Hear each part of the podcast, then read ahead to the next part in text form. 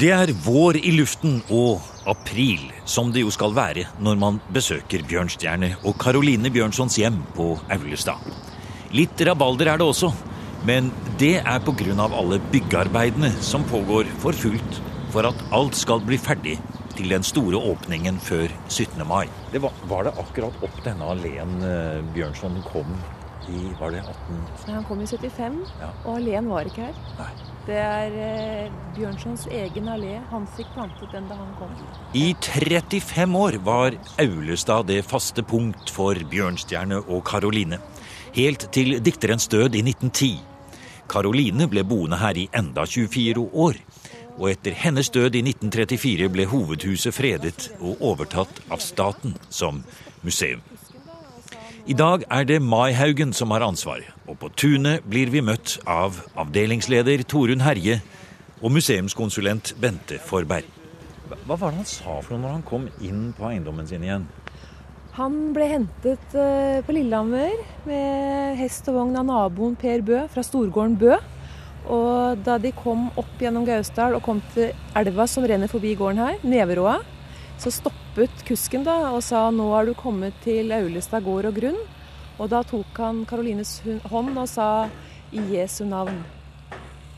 Det er vakkert, eh, Torunn. Her ser vi det store høvdingen kommer med hele sitt følge. Ja, det er ikke vanskelig å forestille seg det. Og det er klart at det her var en, en fantastisk dag for familien å komme hit. De kom fra Italia, og han hadde jo lenge hatt en eh, drøm om å etablere seg og få en gård. Og han kom da til Gausdal, så det er klart det var et stort øyeblikk for han. Men tenk om han hadde sett dette her. Her må vi gå litt til siden. Det kommer store biler og maskiner her. For her er det jo en kjempebyggeplass nå. Hadde Bjørnson sett dette, ja, jeg holdt på å si, han hadde kanskje faktisk blitt eh, glad. Ja, vet du, Det tror jeg faktisk, for han hadde jo masse drømmer, masse planer for eh, livet sitt her på Aulestad. Han hadde jo store drømmer om å bygge et nytt hus. og så, så jeg tror faktisk han ville blitt veldig fornøyd om han har sett det her. Nå setter vi det hele i stand, og det er et fantastisk prosjekt. Ja, se utover her nå. Her står det biler, byggerigger, det er gravemaskiner.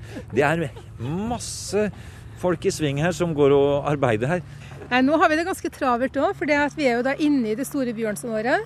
Og 15. mai skal det være stor fest og stor markering her på Aulestad hos oss. Og vi avslutter da også et eh, omfattende restaureringsprosjekt. Et voldsomt omfattende restaureringsprosjekt som har pågått i et par år. Eh, det er brukt ca. 50 millioner kroner på å sette i stand alle bygningene på Aulestad. Så, så det her er et eventyr, rett og slett. Ja, og hvis vi, du sier bygningene, for det er mange bygninger her. Denne store, fine Bjerkehallen den går opp fra rv. 255 som går gjennom den vakre dalen her. Da. Så har vi jo hele, selvfølgelig, hovedhuset som er gult nå, da, som ligger der oppe i tre etasjer, og bygninger rundt det også. Og nå snur vi oss rundt og ser her, og der det bankes så veldig nå, det er jo en kjempestor låve. Den den er ikke bygd opp igjen, den er ikke revet ned. Den er restaurert på et, en veldig nennsom og veldig flott måte. Eh, og det her er da den store store driftsbygninga på Aulestad. Og Restaureringsprosjektet vil nå da gjøre at vi bl.a. i den bygninga her får store nye arealer som vi kan ta i bruk. For det her er jo da en bygning som, som ikke museet har brukt tidligere. Og målet vårt er på sikt da å bruke det her til en ny formidlingsarena. Hvor vi skal presentere nye og spennende sider ved Bjørnstjerne Bjørnsons liv og virke. Mm, og her nede ligger det enda et stort eh, hus som jeg også ser er satt helt eh, i stand igjen. Eh, og det er et stabbur her, og det er veier, det er utfyllinger, det er store jerndragere. Det er, eh, det er litt av et anlegg eh, her nå. 50 millioner. 50 millioner, og som sagt da, alle bygg på Aulestad. Det er driftsbygninger som vi snakka om, det er hovedhuset, hjemmet. Og det er også da det bygget vi ser på nå, som er folkestua, kalles det. Det var tidligere stall, og en periode også bolig. Det var i en fryktelig forfatning. Det var plassert nærmest eh, i et tjern. Eh, og nå er det da eh, perla helt ned til fast grunn og står på et, eh, en, en ny sokkel. Og restaureres og blir da vårt nye kulturhus på, på Aulestad i tilknytning til et flott amfi og en scene utendørs amfi og scene på baksida av bygget. Det er jo vår mulighet til å, å få gjort oppmerksom på Bjørnstjerne Bjørnson, på hans liv, på hans forfatterskap og og hans virke og hans hjem, ikke minst her i Gausdal kommune. Og, og det samarbeidet Maihaugen har hatt med Gausdal kommune de siste årene, er ganske unikt. Eh, gjennom Aulestad-prosjektet så har vi jo fått Aulestad-spillet på banen.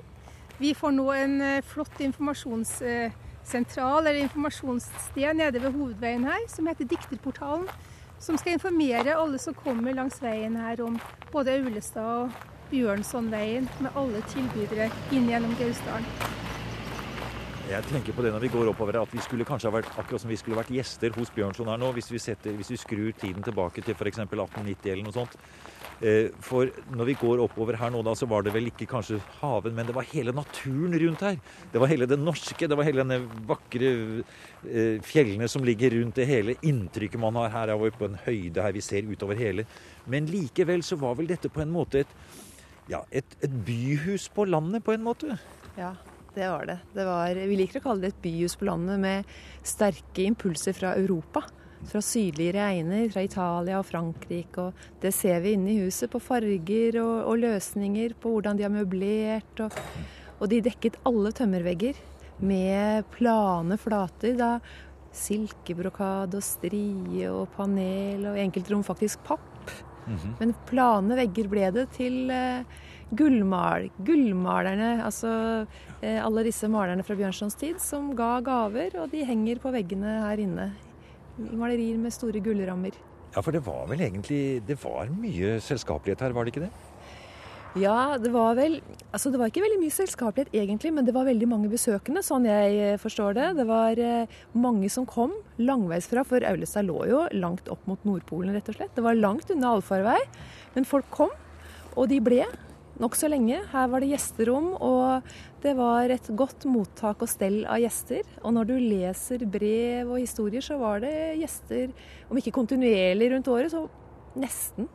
Ja. Jeg ser vi står her og ser på et sånt gammelt lysthus, som det heter. Altså det er plantet trær i en sirkel, og så er de beskåret, da. Og så kunne man kanskje sitte der inne og, og ta løfte et glass à la hipp hipp hurra på Skagen eller noe i den retning. Så, men, så det er jo litt gammelt, det vi ser der. Ja, det er et lindetrehus som gartneren vår i dag pleier godt. Ja. Ja, så der kan vi se for oss at Bjørnson må ha sittet i sin mm. tid. Ja, eller så satt vel kanskje Bjørnson oppå opp verandaen der som vi ser nå, da? Ja, og jeg mener at jeg har sett bilder også av at de tok ut planta, satt på veranda. Og, og, satt mye på verandaen, brukte den mye. da. Vi har eh, flere fotografier av Bjørnson på altanen. Speidende utover da. Ja. ja. Jeg nevnte jo dette med Skagen, og det, det, var jo til og med sånn at PS Krøyer kom jo selv hit også. Ja, Og han satt på altanen. Og drikke sunnhet inn på altanen, skrev Bjørnson i brev. Ja, og malte Bjørnson, da. Eh, Krøyer malte Bjørnson her. Ja. Både portrett av eh, Bjørnson og hele familien Bjørnson til bords med venner i spisestua. Mm. Som har nesten en hipp hipp hurra-stemning. Mm. Ja, på det bordet så var det champagne. Det var det, ja. Det ser vi. Og champagneglass. Mm. Ja. ja, når gjestene var ventet, vi visste jo omtrent når de ville komme, så ble hele familien, fra de minste til de eldste, samlet akkurat her i hjørnet hvor vi står. Og med det samme vognen svinget inn alene, så satte vi et rungende hurra. Det ville si velkommen til gårds. Det hørtes hyggelig Og denne alleen Dette er stemmen til et av Bjørnstjerne Bjørnsons barnebarn, Else Bjørnson, som var født på Aulestad i 1894. Opptaket er fra NRKs skolekringkasting i 1959. Og da hadde Else Bjørnson vært omviser på Aulestad, siden hovedbygningen ble museum et halvt år etter at fru Karoline Bjørnson døde. Det var 1934. Og hun sa en gang til meg at å, jeg er glad jeg ikke skal leve et halvt år etter min død.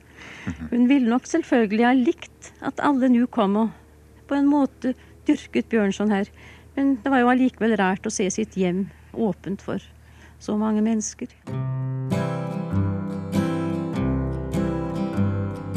Løft ditt hode, du raske gutt.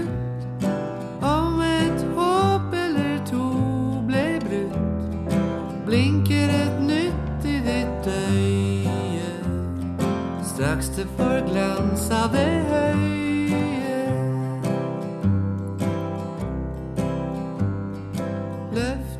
Kanskje får vi høre mer fra det 50 år gamle opptaket med Else Bjørnson. Men nå går vi inn i hovedbygningen med dagens formidlingsleder, Bente Forberg, som viser oss en bygning som er helt gjennomrestaurert og istandsatt. Det startet høsten 2007. Da visste vi at det var et sig i huset, og skulle åpne panelet her på utsida bare litt for å kikke inn. Og da oppdaget vi den ene råteskaden området etter det andre. Så det var en hemmelighet eh, nesten som hadde gjemt seg mellom ytterpanel og innepanel. Der har det sannsynligvis vært en taklekkasje rundt 1900 eh, som har ødelagt tømmeret. For huset her består av to tømmerhus som er satt sammen til ett, med en gjennomgående gang i første og annen etasje. Og de husene er fra slutten av 1700-tallet. Vi ser det på dendrokronologiske prøver av tømmeret. Og til sammen så er det skiftet ca. 300 løpemeter tømmer. Og det er rett og slett et håndarbeide. Ja, det lukter nymalt her. Vi går forsiktig inn her. Pass på, har du sagt, å ikke gå inn til dørkarmer. Ja, det kan være litt fuktig. Velkommen inn. Takk. Her går det Å, kjenn her! Her lukter det malt, ja. Her er det linoljemaling. Ja, Og så går det vifter her. Og det er selvfølgelig fullt av håndverkere i sving her. Vi ser verktøy ligger utover hele, henger plast rundt vinduene her. Dette er det eneste rommet i hele huset hvor man ser tømmerveggene. Og Pass på karmene, sier du ja. Vi går opp. Denne trappa er helt grønn. Og går vi oppover i etasjene på Aulestad Her sniker vi oss inn.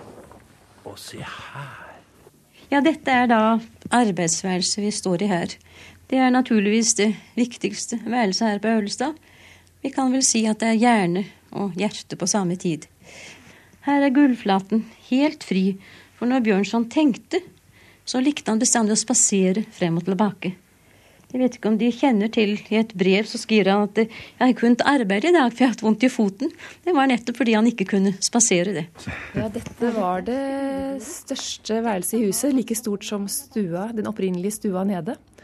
Og akkurat nå er rullegardinene trukket ned. Fine Og for noen flotte rullegardiner Ja, her også. Du- Jeg kan trekke opp så du ser ut. Ja. Og på rullegardinene så er det jo flotte, flott, eh, skal vi si, et, et flott tablå. Ja. Så her eh, Bjørnson uttalte jo selv at han hadde fått det beste rommet i huset. Eh, stort og luftig og lyst, med utsikt til gården sin. Han var opptatt av å følge med på hva som foregikk ute på gården. Og han kunne se over til Bakeliåsens musikalske linje. Det var ikke lenger noen eh, spisse alpetinner som i Romsdalen. Men, og han hadde utsikt helt ned til Lillehammer, nærmest. Utsikten er like flott i dag, tror jeg, for det er helt utrolig flott sol i dag også. Og vi går helt bort til vinduet og kikker ut her. Og han ser eh, herfra ned til Vonheim, Ja. som var den Ja, ja, eh, andre folkehøyskolen i Norge som kom til å ha hus her i Gausdal. Og det var nok en av de viktige grunnene til at Bjørnson valgte nettopp å flytte hit til Gausdal. At det var et eh, intellektuelt miljø med Kristoffer Brun, Fritz Hansen, Kristoffer Jansson, som han hadde omgang med og faglig samarbeid med i noen år.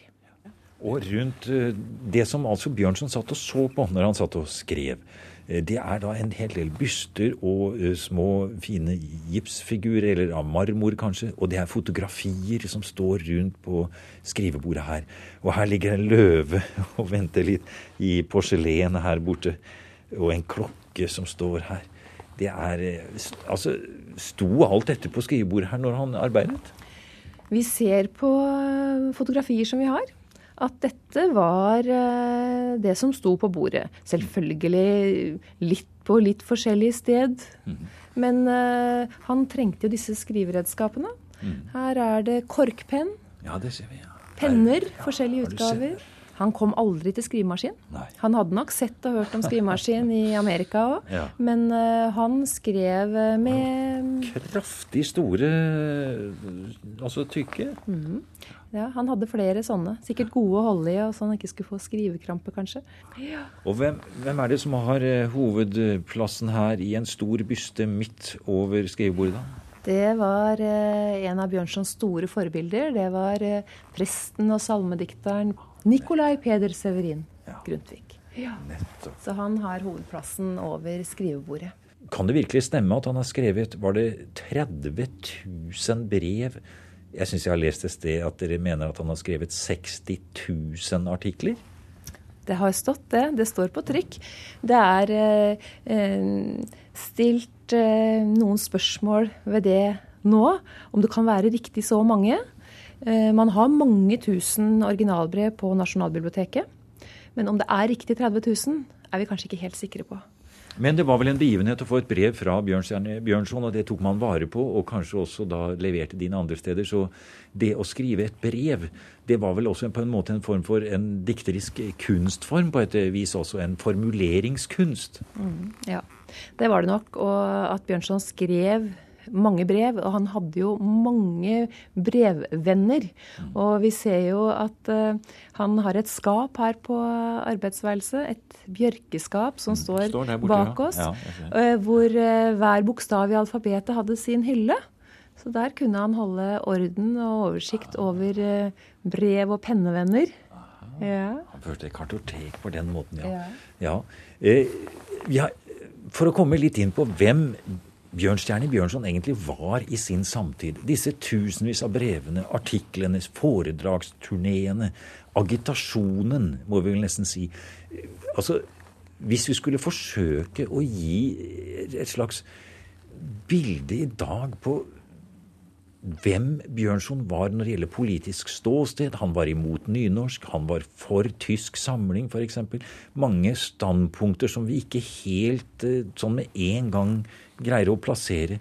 Hvis du skulle prøve å forklare det, hva slags person var Bjørnstjerne Bjørnson i sin politiske og agitatoriske samtid?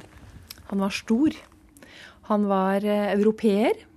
Og han var eh, mannen som ville bygge Norge. Så Bjørnson rommet veldig mye. Og han, eh, som jeg har snakket om før òg, han eh, kastet seg uti der han kjente at han hadde meninger. Og han hadde meningers mot. Og det var jo sånn at eh, det hendte han bodde på Grang.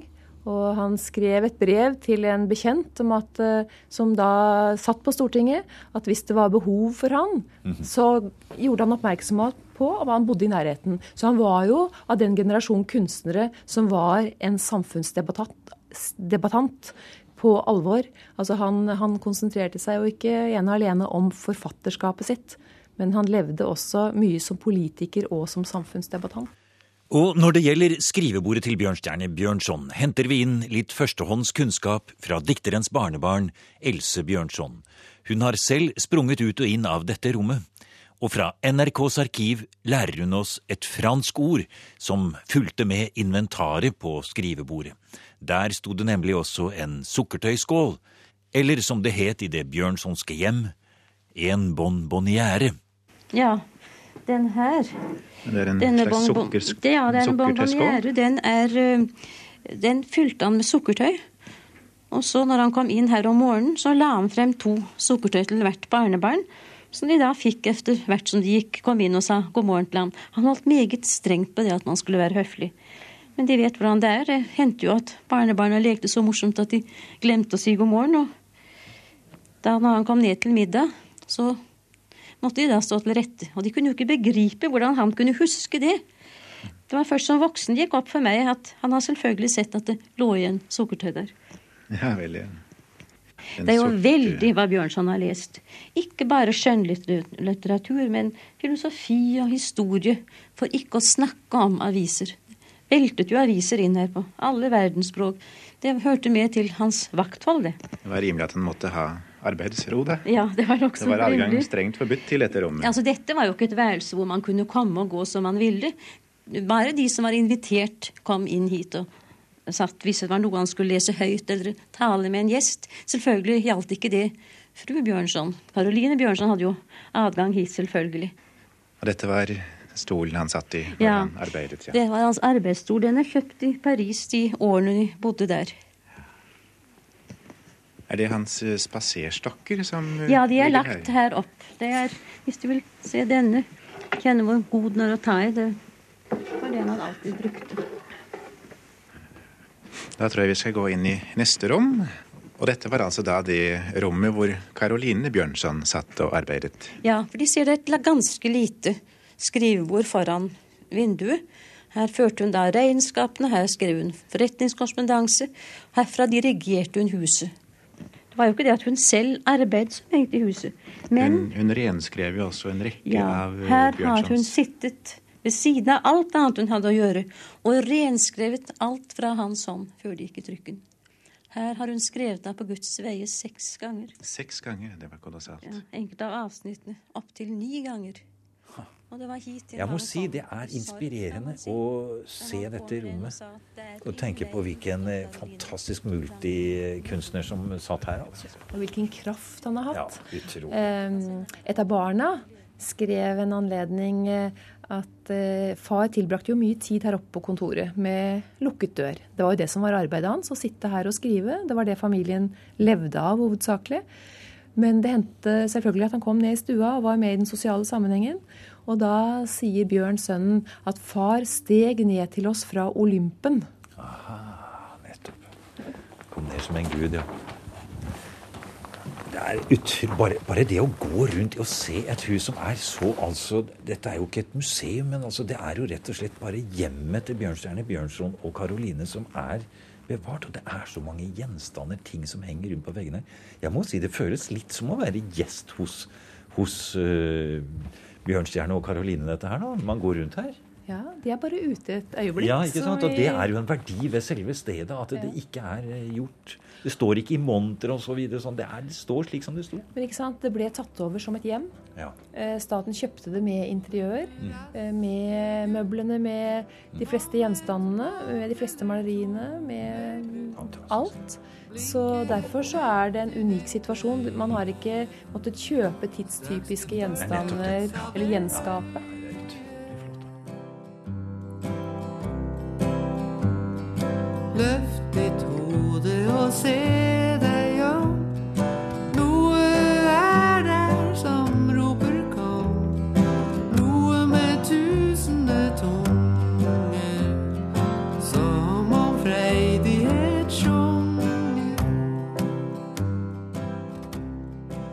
Bente Forberg viser oss rundt på verandaen. Vi går ned til Grisehuset, som var røykerommet i første etasje, hvor gjester med trang til tobakk ble henvist til. Vi ser på kjøkkenet med kobberkjeler og den berømte formen det ble laget løvepudding i. Vi beundrer de flotte tapetene og helheten i restaureringen, som ikke minst er en hyllest til Caroline Bjørnson. For hun skapte våren hjemme, han brakte vår over landet, som det står i sølv på et portrett av Bjørnstjerne og hans hustru. Ute på trappen står vi og snakker litt om hvor sammensatt denne mannen var, som var oppkalt etter Nordstjernen, den sterkeste stjernen i Lillebjørn. Det er ikke så lett å gjette seg til hva han vil ha ment i dag, sier Forberg. Nei, og det er vanskelig å vite. Ville han vært for EU eller mot EU? Eh, Men eh, i det vi forteller om Bjørnson, så forteller vi om det han gjorde i sin tid. Og så kan vi videre tenke sammen om hva han ville ha ment i dag. Uten at jeg skal formidle eller ta et standpunkt for Bjørnson. Det syns jeg er vanskelig. For eh, du finner jo mange bokstavelig talt spor etter på å si, Bjørnsons engasjement, sånn som du arbeider i ditt uh, formidlingsarbeide. Det jeg liker å kalle bjørnespor. Ja, skal jeg nevne noen? Ja. Ja. Tigerstaden. Jeg velger meg. Enn om vi kledde fjellet. Undrer meg på hva jeg får å se. Fred er ei det beste, men at man noe vil. De gode gjerninger redder verden. Løft ditt hode, du raske gutt. Går det ikke fykende, går det ikke rykende, tre mann på ett par ski. Skitt i Norge, leve Toten. ja. Og vi kunne kanskje legge til ja, vi elsker dette Ja. landet. Ja. Ja. La oss slutte med det. ja, men hvordan reagerer, eh, hvordan reagerer eh, unge skoleelever på dette når, når du kommer fram med slike ting? Det hender de kommer fram og spør om det er flere bjørnespor de skal lete etter. Mm. Det engasjementet han viste gjennom et langt liv på så mange områder, det slutter aldri å bli moderne. Og det fascinerer meg. Det syns jeg er lett å formidle til unge mennesker. Man er engasjert. Er det noe som opptar en? Kjenner man eh, at det er noe man skal si fra om, så gjør det. Og det er Bjørnsons råd og, eh, til alle mennesker, unge eller gamle. Det var dette utrolige engasjementet. Enten det gjaldt kvinnesak, fredssak, minoriteters sak ute i Europa, enkeltmenneskers sak her hjemme i Gausdal eller ute i Europa. Det, var, det er liksom ikke ende på temaer og eh, saker som Bjørnson eh, turte å mene noe om. Og kaste seg ofte, kastet seg ofte ut i en debatt som kostet ham mye. Det er eh, fascinerende, og det, det fortsetter å være moderne. Og i Bjørnsons samtid så var det jo også mange som selvfølgelig mente noe om Bjørnson. Det skulle bare mangle, hadde jeg nær sagt. Og også Ibsen hadde noen ettertankens ord om livet til Bjørnstjerne Bjørnson. Ja. Han sa hans liv var hans største diktning. Og det kan vel settes som sluttord på besøket på Aulestad òg. Løft ditt hode,